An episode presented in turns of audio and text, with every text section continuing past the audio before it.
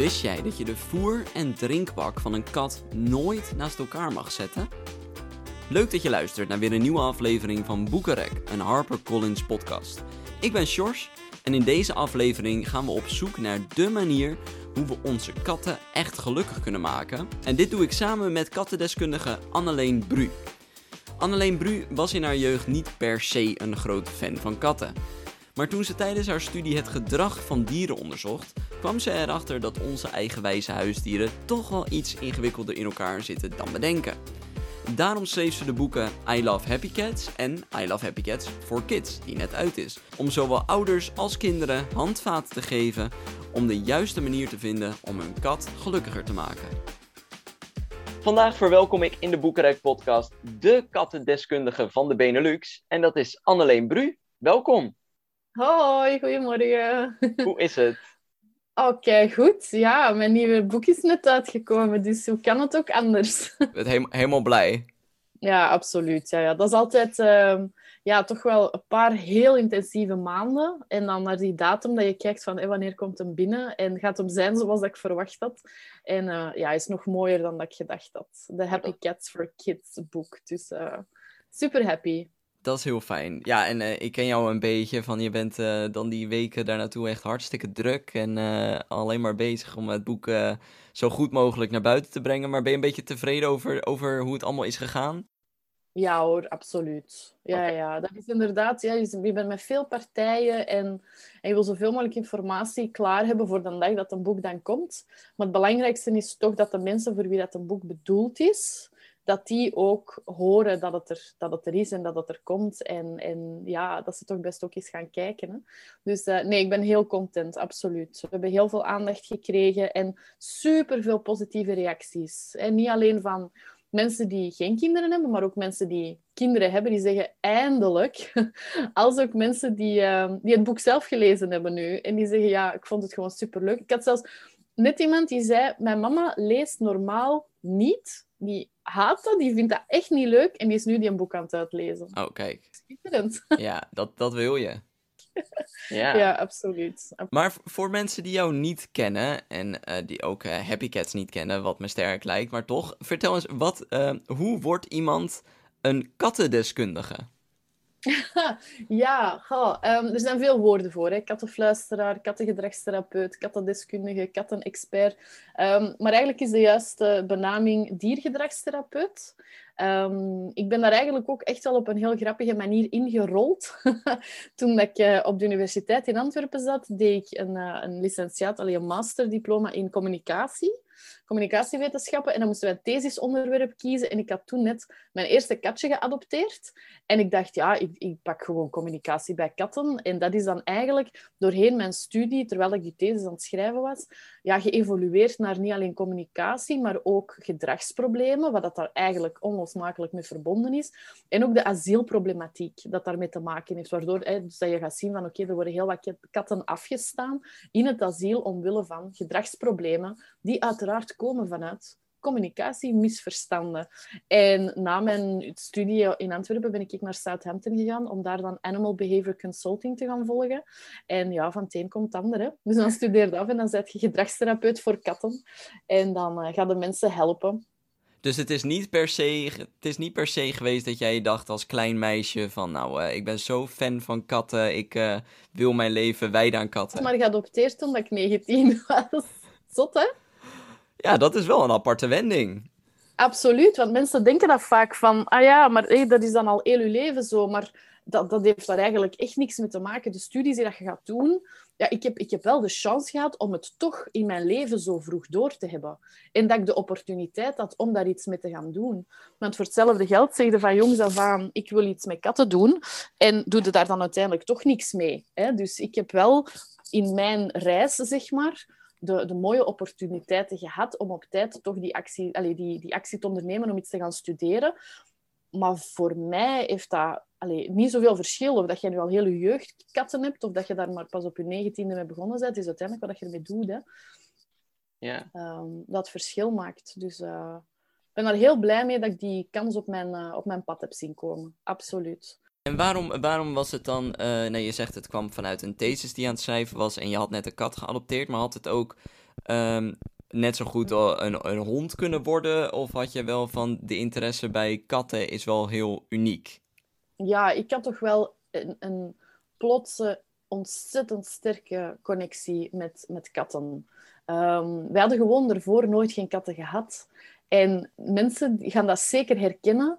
Um, ze hebben nog nooit katten gehad. Ja, ze lopen een paar weken met een kat in huis en ze zijn gewoon compleet compleet verkocht aan die diersoort. Dat heeft niet veel nodig.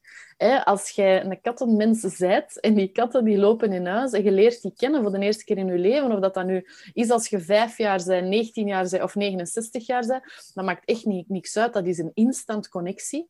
En wat dat voor mij vooral was, was doordat ik de asielproblematiek ook onderzocht had. Um, en op die moment waren er geen gedragstherapeuten in Vlaanderen, zag ik ook een heel grote missie Namelijk een missie van leven of dood. Hè. Als deze katten vaker in asielen terechtkomen, wat dat in die tijd nog vaak betekende dat, je in, dat de kat ingeslapen werd, omdat er gewoon echt veel te veel katten waren, was dat voor mij een missie geworden. Van hoe kan het dat deze katten worden afgestaan om ongewenste gedragingen die eigenlijk helemaal niet zo moeilijk zijn om te verhelpen? Ja, omdat de mensen gewoon geen hulp hadden. Er was gewoon niemand in Vlaanderen op die moment dat zich daarmee bezig hield. Dus daarom heb ik me er gewoon ingesmeten en ben ik begonnen met mensen one-on-one te helpen. Twee jaar daarna ben ik les beginnen geven. En dan in 2017 ehm, had ik zo'n verzameling van info dat ik begonnen bij mijn boeken te schrijven. Omdat dat wel een heel toffe, laagdrempelige en gemakkelijke manier is om heel veel informatie op korte termijn op iemand over te brengen. Ja, dus het is eigenlijk wel echt een soort van. Uh, je bent er, wat je net zei, een soort van ingerold. En dat is uiteindelijk gewoon veranderd echt in een missie. Ja, absoluut. absoluut. En dat was al heel snel duidelijk binnen die thesis van... Deze, deze kan niet. Hier moet iets aan veranderen. Ja. En ja, als je geen verandering ziet of geen mogelijkheden ziet, ja, dan moet er zelf voor zorgen. Hè? En dan ga je katten bestuderen. Je gaat dus die communicatie uh, bekijken van hoe communiceren katten. Wat is dan een van de eerste dingen die je opvalt bij katten? Um, wat aan mij opviel, dus je moet weten, toen ik die thesis aan het schrijven was, dan was ik wetenschappelijke informatie aan het lezen. Ja? En ondertussen was ik met katteneigenaars en met asielen aan het babbelen. En ik, ik merkte daar gewoon een enorm verschil en een enorme discrepantie van... Oeh, maar allez, eten, eten en drinken bij katten, dat, moet ver uit elkaar staan. Terwijl iedereen, maar echt iedereen, George, zet zijn eten en zijn drinken naast elkaar. Toen, hè. Nu is dat al een pak beter, maar nu zijn er nog altijd mensen die daar uit de lucht vallen als ik dat zeg. Ehm, je kunt een kat heel goed aflezen om te zien hoe dat hij zich voelt. En dan heb ik het niet over de oren die plat naar achter gaan en een katje aan het grommen en aan het blazen is, want dat is echt het aller, aller, allerlaatste. Er moeten totaal niet voor gestudeerd hebben of iets gelezen hebben om te weten dat die kat zich niet goed voelt. Maar zo de subtiele stresssignalen. Je kunt dan de snorharen aflezen hoe dat die kat zich voelt. Daar had letterlijk nog nooit iemand van gehoord. Iedereen met wie ik sprak, was zo, huh? En toen dacht ik, wow, oké, mannen, we hebben hier heel veel om mee te werken. Hè? En dan ben ik begonnen met die consultaties te geven. Bij de mensen thuis, ah, de kat plast buiten de bak. Ja, maar we weten dat katten pipi en kakken op twee verschillende plaatsen willen doen. En al die mensen die ik bezocht hadden maar één kattenbak per kat. Ja, oké, maar dan merkte ik gewoon, en dat is dan ook de reden waarom ik die boeken ben beginnen schrijven, is dat er heel veel oorzaken van die ongewenste gedragingen um, gewoon terug te brengen waren op van die simpele basics die dat de kat gewoon niet had om zichzelf te zijn. En daar heb ik mijn missie van gemaakt. Want ik, ik, heb, ik, heb, ik heb vroeger thuis ook katten gehad. En, en, en wij zetten ook gewoon het, het water en het voer gewoon naast elkaar. Um, Waarom is dat dan niet goed? Wat, wat gebeurt er dan met een kat als, als dat gebeurt? Wel, het is sowieso onnatuurlijk, omdat een kat in de natuur nooit gaat eten naast een vijver. Een, gewoon simpelweg een muis ga je al nooit niet vinden aan waters, want dat is heel gevaarlijk voor hen. En van die kleine knaagdiertjes, kleine prooidiertjes hebben um, niet zoveel nood om te drinken, omdat die al heel veel halen uit de insectjes en uit de vruchtjes dat die eten. Um, plus, het is voor een kat ook... Een, en dat is onbewust. Hè. Dat is niet dat hij er bewust mee bezig is van oh, deze mag ik nu niet doen. Hè. Um, als die een muis openreten en al dat vuil komt eruit en een water staat daarnaast, dan kan dat water vervuild geraken. En wat zien we in de praktijk? Dat als water en, en, en eten naast elkaar staat, dat die kat minder geneigd is om te gaan drinken. Die gaat daar drinken omdat ze niet anders kan. Maar als ze de mogelijkheid heeft om ergens anders te gaan drinken, en dan hebben we het over buiten in plassen, in de bak van de hond, een, een kraan die staat te draaien, een, een glas dat nog op tafel staat, dan gaat ze dat doen. Ik heb zelfs katten die uit de wc's drinken. Ik heb katten die de dauwdruppeltjes van de ramen likken om toch maar niet te moeten drinken naast het eten. Dus aan de ene kant hebben we die wetenschappelijke feiten en we hebben de, de, de effectieve ervaring van katten in huis. En dan zijn er altijd mensen, de meeste mensen, die zeggen: Oh ja, maar ja, maar bij mij is dat pardon, geen probleem hoor. Bij mij is dat absoluut geen probleem. Bij mij drinken ze gewoon. En dan moet ik toch nog verder gaan, want dit is eigenlijk de moeilijkste situatie. Uw kat heeft een voorkeur die ze niet krijgt, waar ze niet de kans toe krijgt. En de eigenaar heeft eigenlijk niet door dat dat een probleem is. Want de kat, ja, die doet toch maar. Nu, je moet weten, een kat heeft een ongelooflijk aanpassingsvermogen. Dat is de reden dat zij vandaag nog bestaat. En wij profiteren daarvan. Maar dat wil niet zeggen, omdat ze het oké doet, dat we ze niet eens de mogelijkheid moeten geven om andere keuzes te krijgen. En om dan te kunnen gaan zien, ja, maar wat zijn haar echte voorkeuren? Dus wat is het gevaar met dat water en dat, en dat eten naast elkaar te zetten? Is dat um, katten hebben van nature minder nood om te drinken, omdat ze normaal gezien al heel veel vocht uit hun prooien halen. Maar wij geven geen natte prooien niet meer. En ik bedoel gewoon echte zoogdiertjes, die hebben heel veel vocht. Hè, dat is 60, 70 procent vocht. Wij geven ze droge brokken. En dan moet je eens gaan kijken hoeveel katten met nierfalen en met nierproblemen dat er zijn. Voor mij is dat weer al een missie van, uw kat moet genoeg drinken om gezond te blijven in haar leven. Nu, ik ben geen dierenarts, dus ik ga daar niet verder over. Maar het heeft wel daadwerkelijk mogelijks gevolgen in het leven van die kat. Om dan ook nog niet te spreken van hoe dat stress opbouwt als je al die... Want dit is nu alleen water en eten. Maar je hebt zo honderd van die puntjes. En als je dat allemaal gaat samentellen, dan kun je wel op zeker moment katten hebben die daar stress van gaan krijgen. Maar dan is het dus eigenlijk vooral dat mensen soort van denken van... Nou, ik heb mijn huis en in mijn huis gebeuren dingen zo. En ik neem een kat en die kat moet zich maar aanpassen. Ehm, en, en gewoon niet bereid om, om ja, verder aan te passen. Of misschien is het de, is het daar gewoon niet op gebouwd. Want ik bedoel, je kan, kan ook voerbakken kopen waar gewoon water en, en voer natuurlijk naast elkaar in één bak zitten, bij wijze van spreken. Ja, en uh, dat werkt ons enorm tegen. Hè? Ja. Dus dat is wat ze in de winkel komen. Nu, ik denk dat het niet zozeer is dat mensen niet bereid zijn om iets te veranderen. Want eh, in mijn ervaring zijn de meeste mensen zeer bereid om hun kat gelukkiger te maken. Maar ze weten het gewoon niet. Nee. nee Echt waar, dat is de monden die openvallen als ik dat zeg. Oeh, oeh, maar, allee, huh? maar ik heb dat bakje zo gekocht in de winkel. En waarom heeft niemand mij dat ooit nog eens verteld? En dan elke keer opnieuw, en tot vandaag is dat nog altijd... En dat is ook de reden dat ik nu een kinderboek wou, hè, want jong, jong geleerd is oud gedaan is dat er nog altijd mensen zijn die met een mond openvallen. En zolang dat, dat die mensen er nog zijn, blijf ik voortgaan. Ja, en dat probeer je nu voor te zijn met dit boek. Absoluut, absoluut. Want ik denk dat we op deze manier twee nieuwe groepen gaan kunnen bereiken. Zowel de kinderen van mensen die al mee zijn met Happy Cats, hè, die eigenlijk het, graag hebben dat ze het ook eens lezen van iemand anders. Hè, de, vaak dan de persoon waar dat zij het ook van geleerd hebben, ik dan. Um, maar ook mensen, volwassenen, die nog niet mee zijn met Happy Cats, maar die op een of andere manier kinderen hebben die aan dit boek geraken, omdat ze het krijgen van de mama en de papa, of via via, uh, voor, voor Sinterklaas, of voor kerstmis, of voor een communie, whatever, die dat, dat dan gaan lezen en die dat op die manier hun ouders gaan inlichten. Over wat dat ze kunnen doen voor die kat. Dus ja, daar kijk ik gewoon enorm naar uit. En dat is niet om, om bedweterig of zo te gaan zijn, maar dat is gewoon om mensen te inspireren. Van kijk, probeer het gewoon. Laat uw kat beslissen, net zoals bij mensen en net zoals bij kinderen. Geen één kat is hetzelfde. Elke kat heeft voorkeuren en, en bepaalde noden, uiteraard vanuit diersoort, maar ook vanuit het individu. Ga gewoon testen wie dat je uitzoekt en wat dat hij wilt. En dat weten maar pas als je dingen gaat aanbieden. En, en nu heb jij de I Love Happy Cats handleiding, die is al een aantal jaar uit. En nu komt er dan I Love Happy Cats for Kids. Waarin verschilt for Kids heel erg met die eerste handleiding? Um, wel, het is voor, vooral het formaat en hoe dat we het hebben opgemaakt. Hè. Dus uh, de handleiding is, is duidelijk voor volwassenen, ook al heb ik daar wel al mijn nadruk gelegd op, op een groter teksttype en kleuren en um, het gemakkelijk uitleggen, want ik ben zelf totaal geen fan van moeilijke uitleg.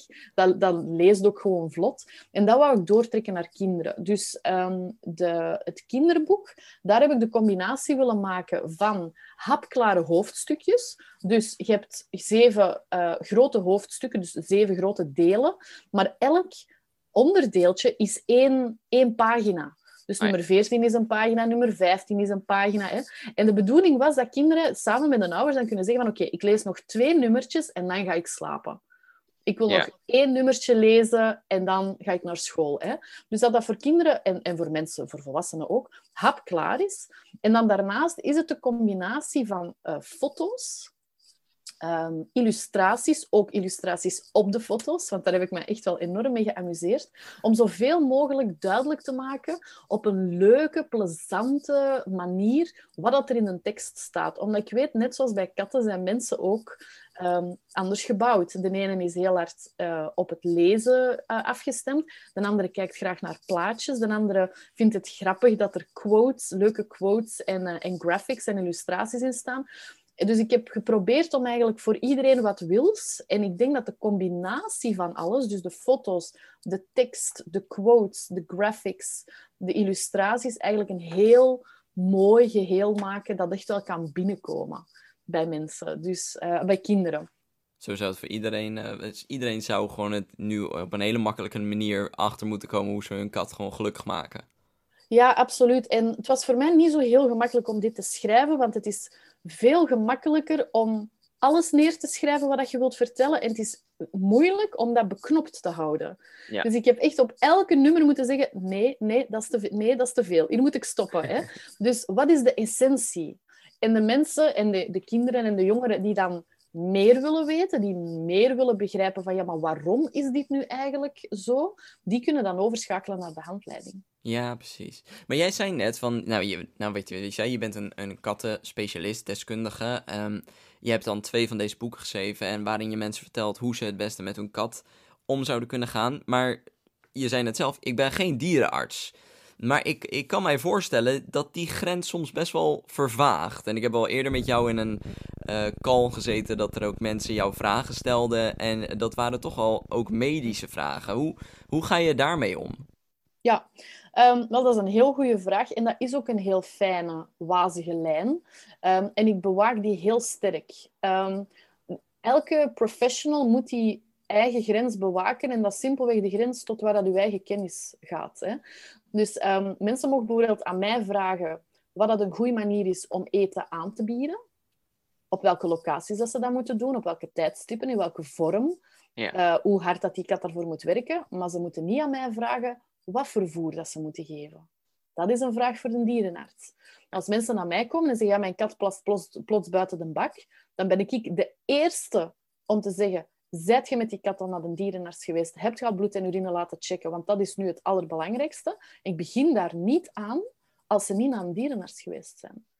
Dus we hebben een heel nauwe samenwerking. Gedragstherapeuten en dierenartsen, wij zijn twee handen op één buik, want zij moeten ons inschakelen en wij moeten hen inschakelen, constant. En wij moeten ook heel duidelijk communiceren naar elkaar. Dus het is een fijne lijn, maar als, als je daar al een paar jaar in zit, dan wordt dat wel duidelijker en duidelijker. En ik ben daar ook heel eerlijk in. Ik zeg, dat is geen vraag voor mij, dan moet dan een dierenarts vragen. Gisteren was er nog iemand die vroeg aan mij van ja, mijn kat is heel ziek, ze is 17 jaar, ze is eigenlijk palliatief. Um, wanneer kunnen wij nu weten wanneer dat we ze moeten laten gaan? Ja, dat moeten we met uw dierenarts bespreken. Ik kan u vertellen op welke lichaamssignalen dat je moet letten om pijn en ongemak te kunnen zien. Maar het is uw dierenarts dat uiteindelijk wel moet zeggen wanneer dat die kat pijn heeft of niet. Dat zijn geen zaken voor mij. Dus en de dierenarts net hetzelfde. Ik hoor nog jammer genoeg, met alle respect, iets te veel adviezen van een dierenarts dat ik denk, oh, misschien moeten we dat aan ons overlaten, hè, want dat is niet zo'n zo denderend advies. Uh, vooral dan bijvoorbeeld in het introduceren naar katten toe. Ik ben daar heel hard in. Dat moet echt via een heel geleidelijke introductie gaan met een training van twee, drie weken om, om die positieve associatie op te bouwen. Er zijn nog net iets te veel professionals die zeggen, oh, zet ze maar gewoon bijeen en laat ze het maar uitvechten. En dan gaan mijn haren wel omhoog staan. En dan denk ik, ik moet wel wat basis medische info kennen. En dierenartsen en dierenartsassistenten moeten ook hun portie gedrag kennen om dan uiteindelijk een kruisbestuiving te kunnen doen. Dus, uh... Merk je wel dat dierenartsen wel bereid zijn om, om, om dat te doen, om die kennis uh, zelf ook op te doen? Absoluut, absoluut. Zeker nu. 15 jaar geleden, allez, 13 jaar geleden was dat, was dat 50-50. Dan hadden we wel vaker de reactie van huh, gedragswatten. Uh, maar dat is enorm gegroeid in de laatste tien jaar. Ook zeker sinds dat de universiteiten en hogescholen die informatie meer en meer aan het integreren zijn in een opleiding. Uh, plus ja, de, de, de, mensen die afstuderen, die, die doen dat voornamelijk wel echt omdat ze katten, dieren gelukkiger en gezonder willen maken. En er is nu ook gewoon veel meer aanbod. Hè? Twaalf jaar geleden had je alleen maar van die heel moeilijke wetenschappelijke tekstboeken. Ondertussen zijn er zeven happy cats boeken dat ze kunnen vastpakken. Zelfs die, die kinderboek moest elke dierenarts dat gelezen hebben. Dan was ik een gelukkige mens. Volgens mij is er geen excuus om het niet te doen. Want wat je zegt, er zijn uh, genoeg boeken. In België sowieso al meer dan in Nederland. Maar in Nederland hebben we inmiddels ook uh, Happy Cat, I Love Happy Cats en Happy Cats Kids. Dus dus genoeg reden om, om gewoon dat te gaan opzoeken en onderzoek te doen. Nu heb ik nog één laatste vraag aan jou voordat ik je laat gaan. Uh, als jij nog even, als er nu katten-eigenaren luisteren of mensen die overwegen om een kat te nemen, wat is de ultieme tip die je altijd meegeeft? Mag ik je een top 3 geven? Oh ja, dat mag, zeker. Um, sowieso, als je een kat gaat adopteren, overweeg alsjeblieft om er twee te adopteren uit hetzelfde nest. Hè. Katten zijn, zijn misschien wel solitaire eters, maar ze hebben echt wel nood aan die sociale connectie. En het is veel gemakkelijker om ze met twee te adopteren dan ze later nog te introduceren. Als je een nieuwe kat in huis neemt, doe dan alsjeblieft een zeer geleidelijke positieve trainingsassociatietraining, pardon, dat is een lang woord, ehm, een, in, een uh, introductie op basis van positieve uh, training. Um, en als derde, begrijp dat uw kat alles in haar omgeving alleen wil doen en dat dit de sleutel is om tolerant te zijn naar andere katten toe en gelukkig te zijn. Uw kat heeft keuzes, keuzes, keuzes, keuzes, keuzes nodig. Dat wil zeggen meerdere eetlocaties, meerdere drinklocaties, meerdere kattenbaklocaties, verspreid doorheen het huis. En dat is iets waar je, dat moeilijker lijkt dan dat het effectief is, maar als je dat kunt doen, dan neemt je al 80, 90 procent van alle ongewenste gedragingen in de toekomst van je kat gewoon volledig weg, omdat je kat keuzes heeft. Ah, is daar niet oké? Dat is niet erg, ik ga wel naar Ginter. Ah, daar is bezet, dat is niet erg, ik ga wel naar boven. En die keuzes creëren voorspelbaarheid en controle over de omgeving. En dat is de gouden tip voor een gelukkige kat. Nou, en voor meer tips zou ik zeggen, koop I Love Happy Cats of I Love Happy Cats Kids. Uh, voor, uh, voor alles uh, omtrent hoe je jouw kat gelukkiger maakt. En Anneleen Bru, ik wil je heel erg bedanken voor jouw bijdrage vandaag in de podcast. Dankjewel, George. Bye. Heb jij door deze podcast nou dringende vragen over het gedrag van jouw kat? En zou je Anneleen Bru het liefst het hemd van het lijf vragen? Dan zijn de boeken I Love Happy Cats en I Love Happy Cats for Kids van Anneleen Bru echt iets voor jou. Je vindt deze boeken in alle on- en offline boekhandels. En dan was het weer voor deze aflevering van de Boekenrek podcast.